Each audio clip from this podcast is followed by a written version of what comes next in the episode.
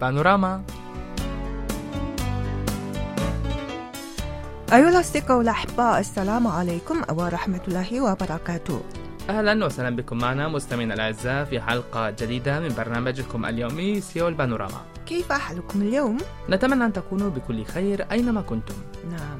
من المتوقع أن يزور زوجان كوريان جميع مواقع التراث الثقافي التي يبلغ عددها 1647 في جميع أنحاء البلاد المسجلة في تطبيق معلق التراث الثقافي الخاص بي الذي تديره الهيئة الكورية للتراث الثقافي.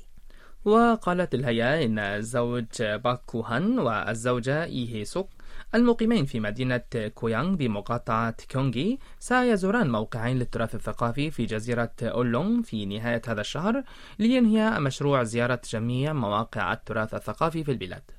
وقال باك إنهما سيصلان إلى منطقة ناري في الجزيرة يوم الثلاثين من هذا الشهر موضحا أنه وزوجته كان قد زار موقع الحياة الكورية عبر الإنترنت للحصول على المعلومات الضرورية للقيام برحلات في جميع أرجاء البلاد بعد تقاعد حيث اكتشف هذا التطبيق. وأضاف أنه لم يجد أي حاجة إلى البحث لاختيار أماكن الزيارة بعد تحميل تطبيق. نعم هذا صحيح. فقد قرر هو وزوجته البدء في زيارة جميع مواقع التراث الثقافي منذ شهر أغسطس من العام الماضي. وتخطط الهيئة لإهداء لوحة تذكارية باسم رئيس الهيئة إلى الزوجين في جزيرة أولونغ آخر محطة في الجولة. أما الزوجان فسوف يؤلفان كتابا حول قصتهما عن مواقع التراث الثقافي التي جربوها في أثناء تلك الجولة التي بدأت في العام الماضي. جميل. أعتقد أنهما يقدمان نموذجا مثاليا لجميع المتقاعدين. وقبل أن نتعرف على المزيد من الأخبار الكورية الجديدة والخفيفة هيا نستمع إلى هذه الأغنية الكورية بعنوان يرم يرم해 أو صيف مشمس. وهي بصوت الفرقة 여자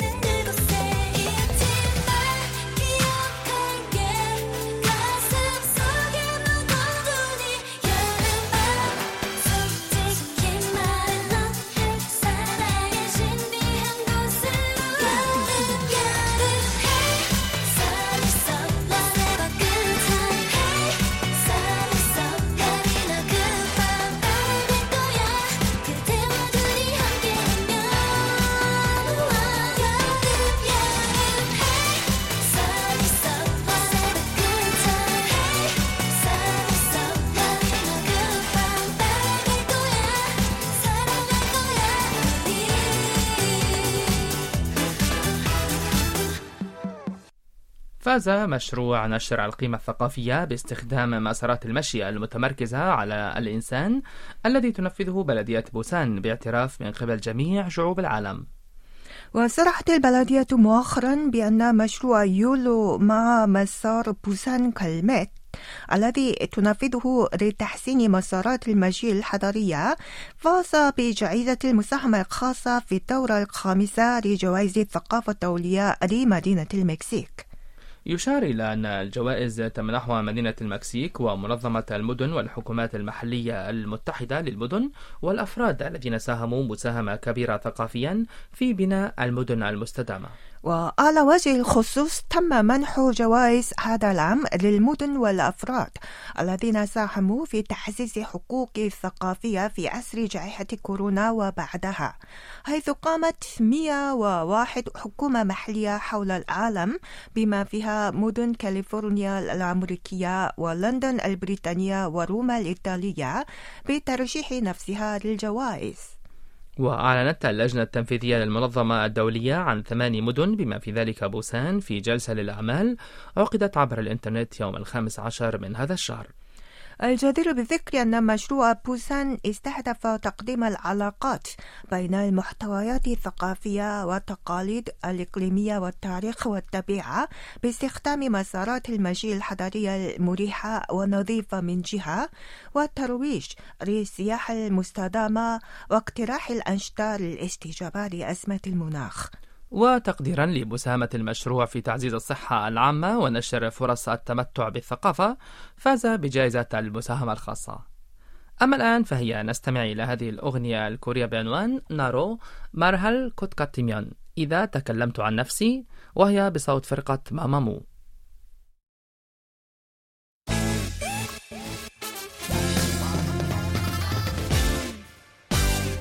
나로 말할 것 같으면 자신감 있는 여자. 말하자면 내게 믿는 여자. 자신 있으면 나를 따라 해도 돼 뒤따라와 뒤따라와. Follow me. 화장은 얇게 귀찮으니까. 노출은 안해 그럴 필요 없어. 이상해 좀 특이해. 평범한 게 더 싫어. 이런 내 모습 me, sun 생각 말고 정신은 아이클래스 눈치 보지만 네가 바로 보길래 Hello, 니하오. 안녕 세계가 콩맞은 매력이 있듯. 나로 말할 것 같으면 겨울에 미소 보면 나도 있다는 걸 I love you. 나로 말할 것 같으면 자신감 있는 여자 말하자면 내게 믿는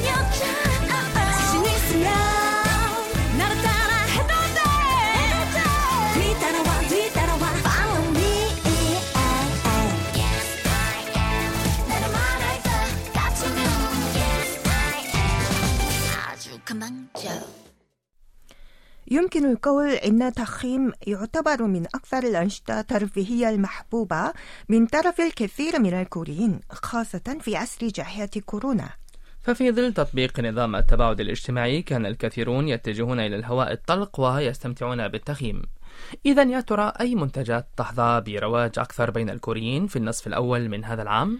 للإجابة على هذا السؤال قامت شركة SSG.com بتحليل بيانات الخاصة لبيع منتجات تخييم في النصف الأول من هذا العام قبل بدء موسم الإجازات الصيفية القادمة. ووفقا للشركة زادت مبيعات المنتجات بأكثر من 20% في شهر مايو الماضي مقارنة مع نفس الشهر من العام الماضي. وخاصة لقيت منتجات التخييم صغيرة الحجم رواجا كبيرا. وأصبحت أطعمة تخييم أكثر ملائمة. بينما تم بيع الكثير من المعدات التي تتيح فرصة للتحمل مع الاستمتاع برؤية النيران بما في ذلك المواقد والحطب والفوانيس. وبالنسبة لمنتجات التخييم فقد بيع الكثير من المنتجات صغيرة الحجم. ويرجع السبب في ذلك إلى زيادة الذين يسافرون بسهولة وخفة من خلال تقليل وزن أمتعتهم إلى أبعد الحدود. مثلا فضلوا صناديق الثلج بسعة 15 لترا على 28 لترا. كما تم بيع أباريق المياه ذات السعة المنخفضة أكثر من السعة المرتفعة. واحتلت المخيمات الخاصة لشخص أو شخصين والتي يبلغ وزنها ثمانية, ثمانية كيلوغرامات مراكز متقدمة في ترتيب المبيعات. بينما لقيت المخيمات التي يتم تركيبها بلمسة واحدة ويبلغ وزنها أقل من ثلاث كيلوغرامات رواجا كبيرا بسبب سهولة الحمل. علاوة على ذلك تم تفضيل كراسي خفيفة الوزن مقارنة مع الحجم بينما تم بيع الكثير من الموائد القابلة للطي أما في مجال أطعمة التخييم فقد تم تفضيل المنتجات الغذائية الجاهزة مثل صناديق الوجبات المتميزة بتوفير مختلف أنواع المواد وسهولة الإعداد بينما تم بيع الكثير من المنتجات الطريفة التي يمكن إعدادها من خلال صب الماء على الخضر واللحوم المجمدة أو المجففة. آه في الحقيقة بعد أن يعني نقدم هذا الخبر قدمنا هذا الخبر يعني شعرت بأني يعني عودت أن أسافر يعني إلى مكان ما هل تريدين هل هناك مكان معين أو فقط أي مكان؟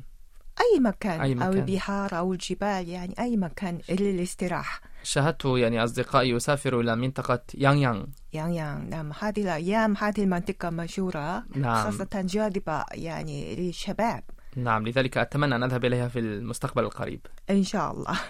طيب قبل أن ننتقل إلى خبر آخر هيا نستمع إلى هذه الأغنية الكورية بعنوان ننوننا والتي تغنيها الفنانة جيشي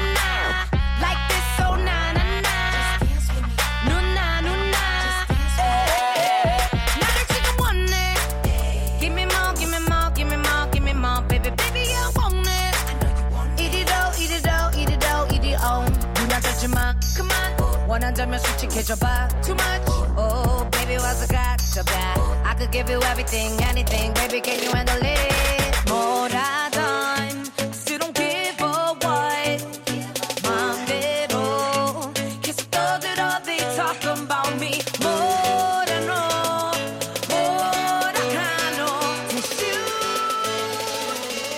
그래서 난 노노나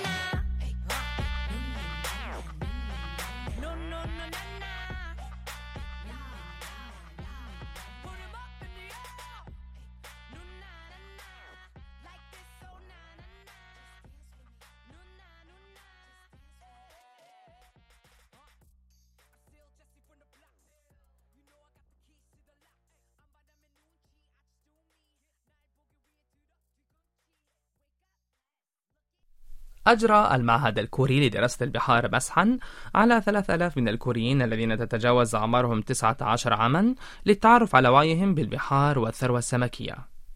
تبين في المس أن سبعة من بين كل عشرة كوريين يعتقدون أن قطاع البحار والثروة السمكية يساهم في تقدم الوطن وأن 73% منهم يهتمون بهذا القطاع على نحو أكثر من المعتدل. وحول أكثر الرموز التي تتبادر إلى أذهانهم عندما يسمعون مصطلح البحار والثروة السمكية. أجاب 28% منهم بشواطئ البحر بينما أجاب 25% منهم بالأحياء والأكلات البحرية وأجاب 23% منهم بالسفن. وبلغت درجة اهتمام الكوريين ببيئة البحار 66% لتسجل ارتفاعا سنويا. وفيما يتعلق بالسياحة البحرية قال 34% منهم إنهم زاروا مختلف المناطق البحرية مرتين أو ثلاث مرات سنويا. نعم وتبين في المسح أن فئتي العشرينيات والثلاثينيات من العمر يفضلون القيام بأنشطة الرياضات الترفيهية البحرية عندما يقومون بالسياحة البحرية بينما يفضل فئتا الخمسينيات والستينيات السياحة الخاصة لتناول الأحياء البحرية وركوب السفن السياحية. وحول الأمور المزعجة في السفر إلى شواطئ البحار اختار 42% منهم ارتفاع رسوم. بينما اختار 22% منهم عدم توفر وسائل الوصول إليها.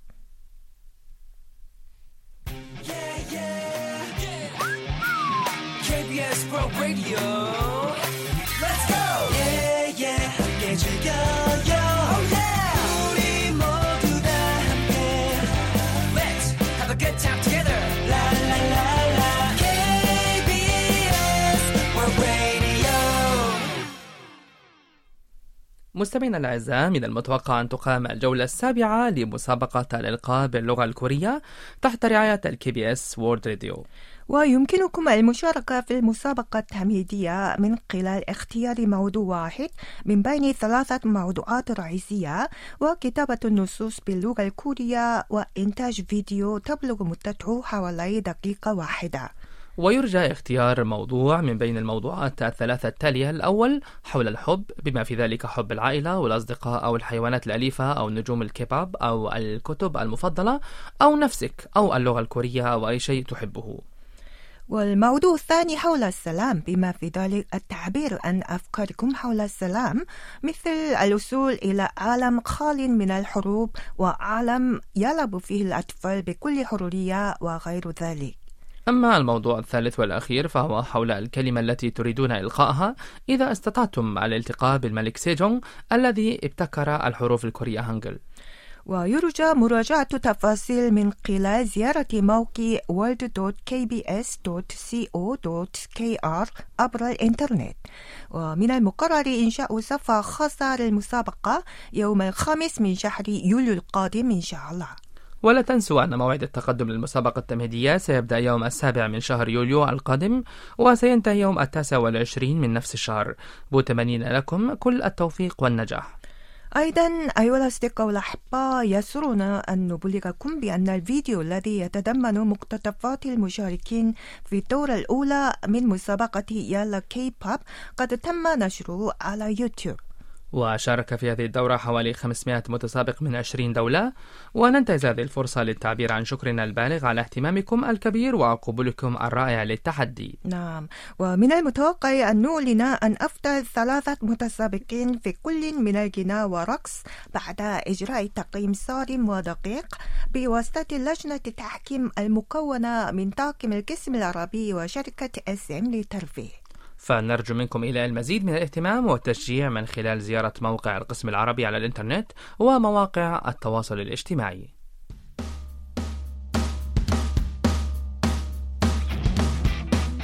هكذا نكون قد وصلنا إلى نهاية حلقة اليوم ونودعكم مع هذه الأغنية الكورية بعنوان Lucky Day وهي بصوت فرقة Every Single Day.